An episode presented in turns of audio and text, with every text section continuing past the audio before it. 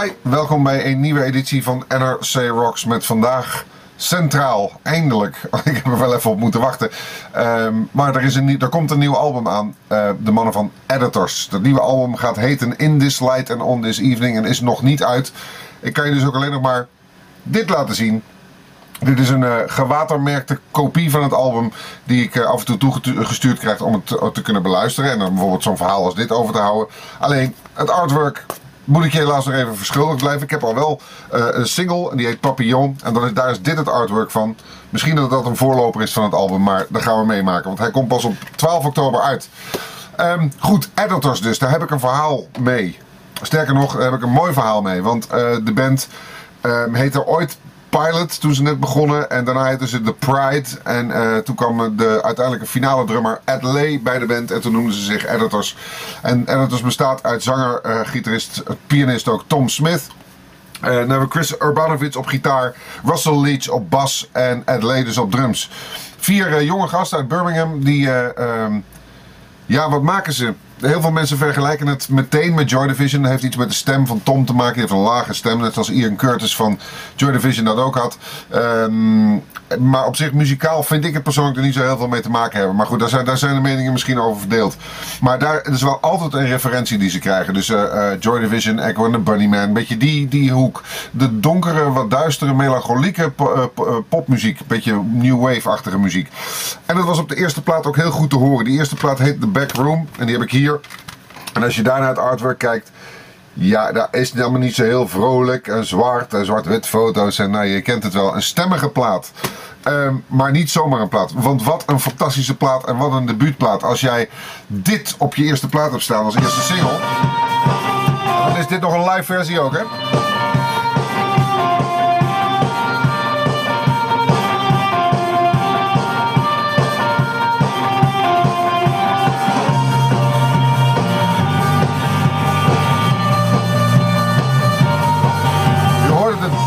Waar Chris Urbanovic, gitarist van dienst van deze band, een patent op heeft. In ieder geval de eerste twee platen, moet je horen. Dit is Tom.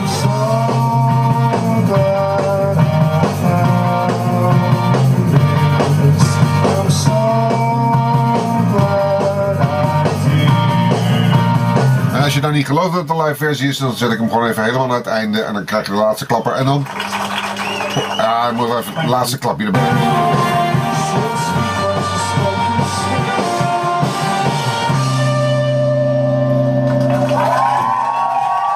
Op een zolder in Hilversum in mijn programma That's Life. Eh, want ik had ze al heel snel in de smiezen. En in de smiezen dat dit een bandje zou kunnen zijn waar we wel eens veel zouden kunnen horen. Niet om mezelf op de borst te kloppen, maar dat was nou eenmaal zo. Ehm, ja, The Backroom. Een plaat waar deze Munich als, eerste, als tweede single overigens vanaf kwam. Want de eerste single was Bullets. Ook niet mis te verstaan trouwens hoor. Deze heeft Nederland, eh, eh, nou, is na Munich nog een keer in de rerun geweest geloof ik. En toen, ja, toen, gebeurde er wel wat. In eerste instantie was dit in Engeland eh, de klap. Ja, je hoort het, het is, het is gedreven, gedragen popmuziek. En Tom met zijn, met zijn melancholieke en verstrekkende stemgeluid en zijn prachtige teksten daaroverheen maakte dat Editors een beetje was waarvan ik meteen dacht: wauw, dat had ik al heel lang niet meer gehoord, dat geluid. Of, of dat, dat is een geluid wat, wat daadwerkelijk in deze tijd een nieuw geluid representeert. Ehm, durven liedjes te maken die groter zijn, iets larger than life. Daar staan ze wat mij betreft voor. Ehm, 2004 was dus de première van The Backroom, het album wat het hier eh, in Nederland ongelooflijk goed deed. Ja, en dan moet, je, dan moet je komen spelen natuurlijk als bandje. En daar begon de vriendschap tussen eh, Editors en Erik Corton een beetje. Ehm, omdat ze stonden in 2005 op Lowlands, dat is een leuk verhaal. Ehm, en ik stond ook op Lowlands. Althans, ik was daar voor de radio aan het werk en ik stond. eh gedeelte van mijn band die ik toen nog had, Tekker, die stonden eh, daar te spelen in, de, eh, in, een, in zo'n in zo'n tent. En wij moesten op de zaterdag naar een festival toe. Dus we hadden eigenlijk al onze spullen bij ons. Dat was leuk, want wij moesten spelen. Maar op een gegeven moment kwam iemand van de platenmaatschappij Pias op hoge poten naar mij toe, Leon, en riep: eh, Erik, er is een groot probleem, want we hebben die nieuwe band, weet je wel, editors. Ja, te gek, ja, leuk. Nou, die komen nu net uit Londen aan en alle spullen staan nog in Engeland. En ze moeten over twee uur beginnen. Dat is redelijk eh, paniek. Als dat voor een band belangrijk is, want toen was Editors nog niet groot in Nederland. Er was een soort showcase. Mensen moesten op dat moment van editors gaan houden. Van ze hè, moesten, moesten denken, wauw, dat is de band die het gaat worden. En dan staan je al je eigen spullen, dus je gitaar, je versterkers, de hele kleren, zo is dat allemaal nog in Londen ergens op een vliegveld. Bleek later trouwens, heb ik gehoord, dat die spullen ook nog echt op, de, op, de, eh, op het laadperron stonden. Gewoon buiten. Die waren gewoon vergeten in te laden. Ehm, ja, dan zit je met, eh, met je kloten voor het blok. Dus, eh, maar de mazzel was dat ik dus met mijn beetje daar was. En ik niet alleen. De jongens van Millionaire uit België, dus Tim van Hamel, die waren er ook. En we hebben allemaal stukje bij beetje eh, onze apparatuur afgestaan. Wat zij konden gebruiken. Dus we hebben verteld wat we hadden. En zij hebben verteld wat ze nodig hadden. Dus Chris heeft over mijn effectapparatuur en geloof over, over mijn versterker gespeeld. Het drumstel van Millionaire is gebruikt door Ed. De versterker, basversterker van ons is geloof ik gebruikt door Russell. En zo werd eh editors een beetje in elkaar gekleid op die eerste eh, 2005 eh, optreden op Lowlands. En het is gelukt. Ze hebben daar een onuitwisbare indruk achtergelaten op mensen. En mensen schreven er laaiend en lyrisch over. En het begin van een kleine vriendschap met de band. Want ik kwam mijn spullen ophalen. Ik zei, jongens, is het goed gegaan? Ik had het gezien ook. Ik vond het, ik vond het zelf ook heel goed. Ehm, en ze waren, eh, ze waren heel gelukkig. En dat schept een band, zal ik maar zeggen. Goed, ehm, dan eh, na de backroom. Want anders wordt het weer een verhaal van 3,5 uur. Na de ba- backroom moesten we even twee jaar wachten. Toen kwam An End Has a Start. Met eh, onder andere de titeltrack An End Has a Start. En weer die gedreven muziek, die fantastische gitaarpartijen. Heel mooi. De melodie wordt altijd gemaakt door de gitaar. En die, die vervlecht zich met de zang van Tom.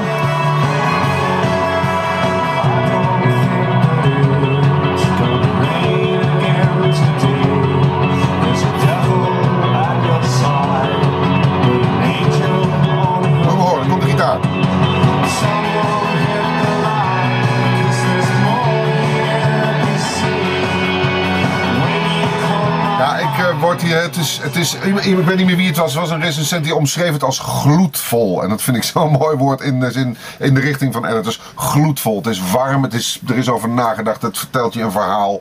En deze plaat, An End Has a Start. Daar staan er een paar op hoor. Je hoorde deze, An End Has a Start. Smokers Outside the Hospital Doors. The Racing Rats. Eh, nou ja, ik kan nog wel een stukje laten horen van die Smokers Outside the Hospital Doors. Bijvoorbeeld ook zo'n episch ding.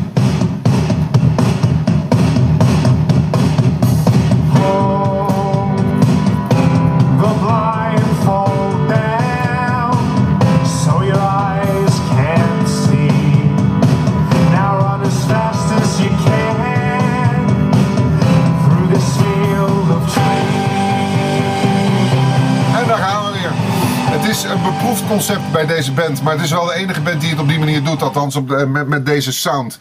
Ehm, dat maakt Editors een, eh, een, eh, eh, een band waar je volgens mij of heel erg van houdt, of denkt, nou, dat is, gaat aan mijn deur voorbij. Dat is te gedragen of wat dan ook. En geen tussenweg. Gelukkig is er een hele grote, groep mensen die daar heel erg van houdt.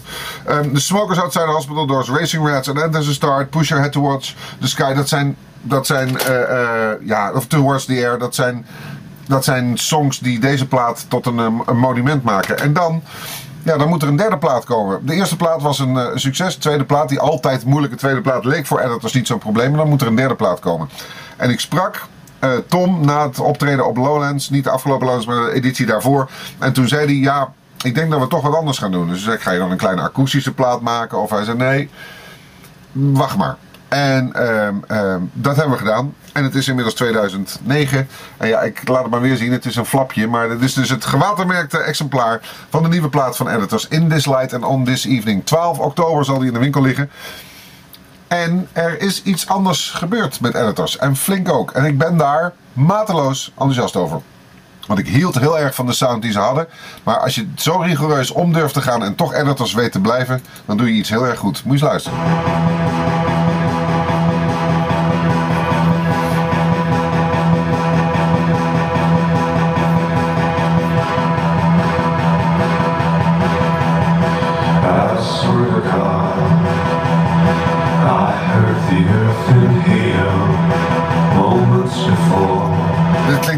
Heel erg Joy Division wat stem betreft. In this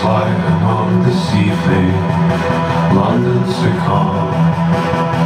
the most beautiful thing I've seen.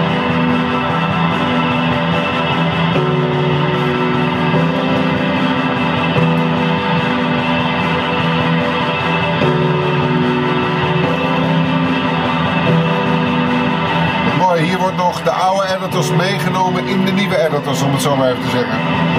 Om je niet al te hard te laten schrikken voor de overgang die je zo meteen gaat krijgen.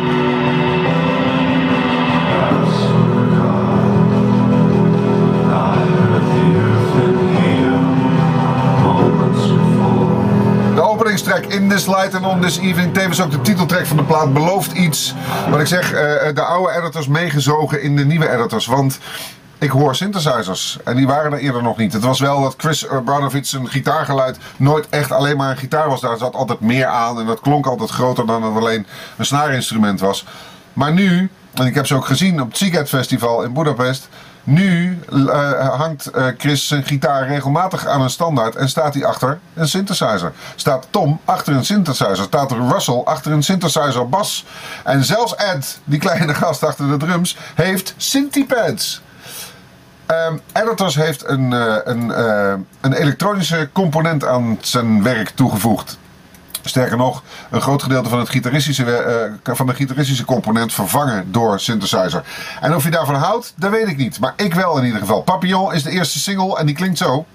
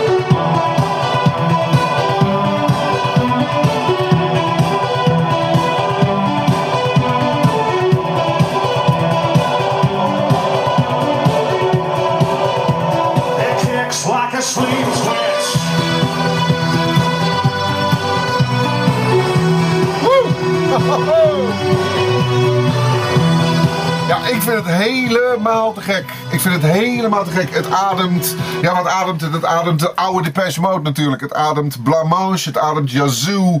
Het heeft van alles en nog wat uit die 80s. Die tijd waar ik vaak zo op loop te schelden omdat ik het zo lelijk vond. Maar ik vind dat editors met deze plaat juist die mooie dingen uit die 80s eh, voor mij naar boven hebben getild. Waarom? Want het is geen vrolijke plaat namelijk. Die vrolijkheid uit die 80s, die daar heb ik zo'n ontzettende he- hekel aan. Maar het is geen vrolijke plaat. Deze ja, het ziet er niet uit, ik weet het. Deze nieuwe editors in This Light and On Evening. Maar wel een bijzondere plaat. Waarom? Omdat er zo rigoureus een andere eh, eh, weg ingeslagen is door de jongens van Editors. Dat samen overigens met Mark Ellis. Denk je, die acteur? Nee, niet die acteur. Mark Flood Ellis, producer van, nou ja, ik noem even een rijtje grootheden. U2 onder andere natuurlijk. eh, Nick Cave, The Killers heeft hij gedaan. Nine Inch Nails, Smashing Pumpkins, Sigur Rós en Depeche Mode. Jazeker wel. En deze Flood heeft samen met de jongens van Editors een, eh, ja, een plaat afgeleverd die, die, eh, naar achteren, die naar achteren ademt en naar voren kijkt. Want dit belooft nog iets voor, de, voor deze band. Ze hebben, eh, zoals Tom mij vertelde op Seagate, uiteindelijk zou ze het gevoel dat ze met die vorige twee platen die, die outer extent of the guitar in editors wel hadden bereikt. Oftewel dat ze de uiterste grens van het gitaarwerk wat ze konden doen binnen, eh, binnen editors wel hadden bereikt. En dus de overschakeling naar eh, synthesizers. En dat levert mooie dingen op. Flood is duidelijk terug te horen, onder andere in deze The Big Exit.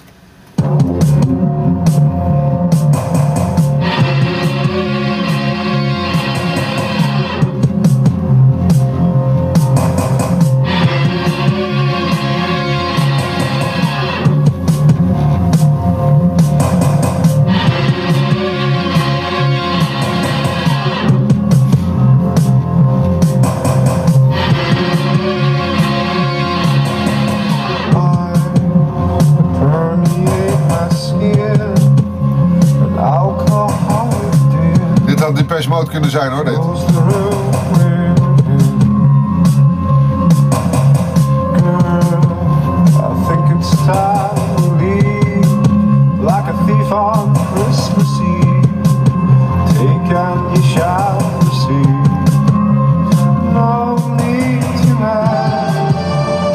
Prachtig. Already know. Wat zo mooi eraan is, is dat het wel gewoon editors Editors liedjes zijn, alleen ze hebben de jas veranderd. Ehm, dus.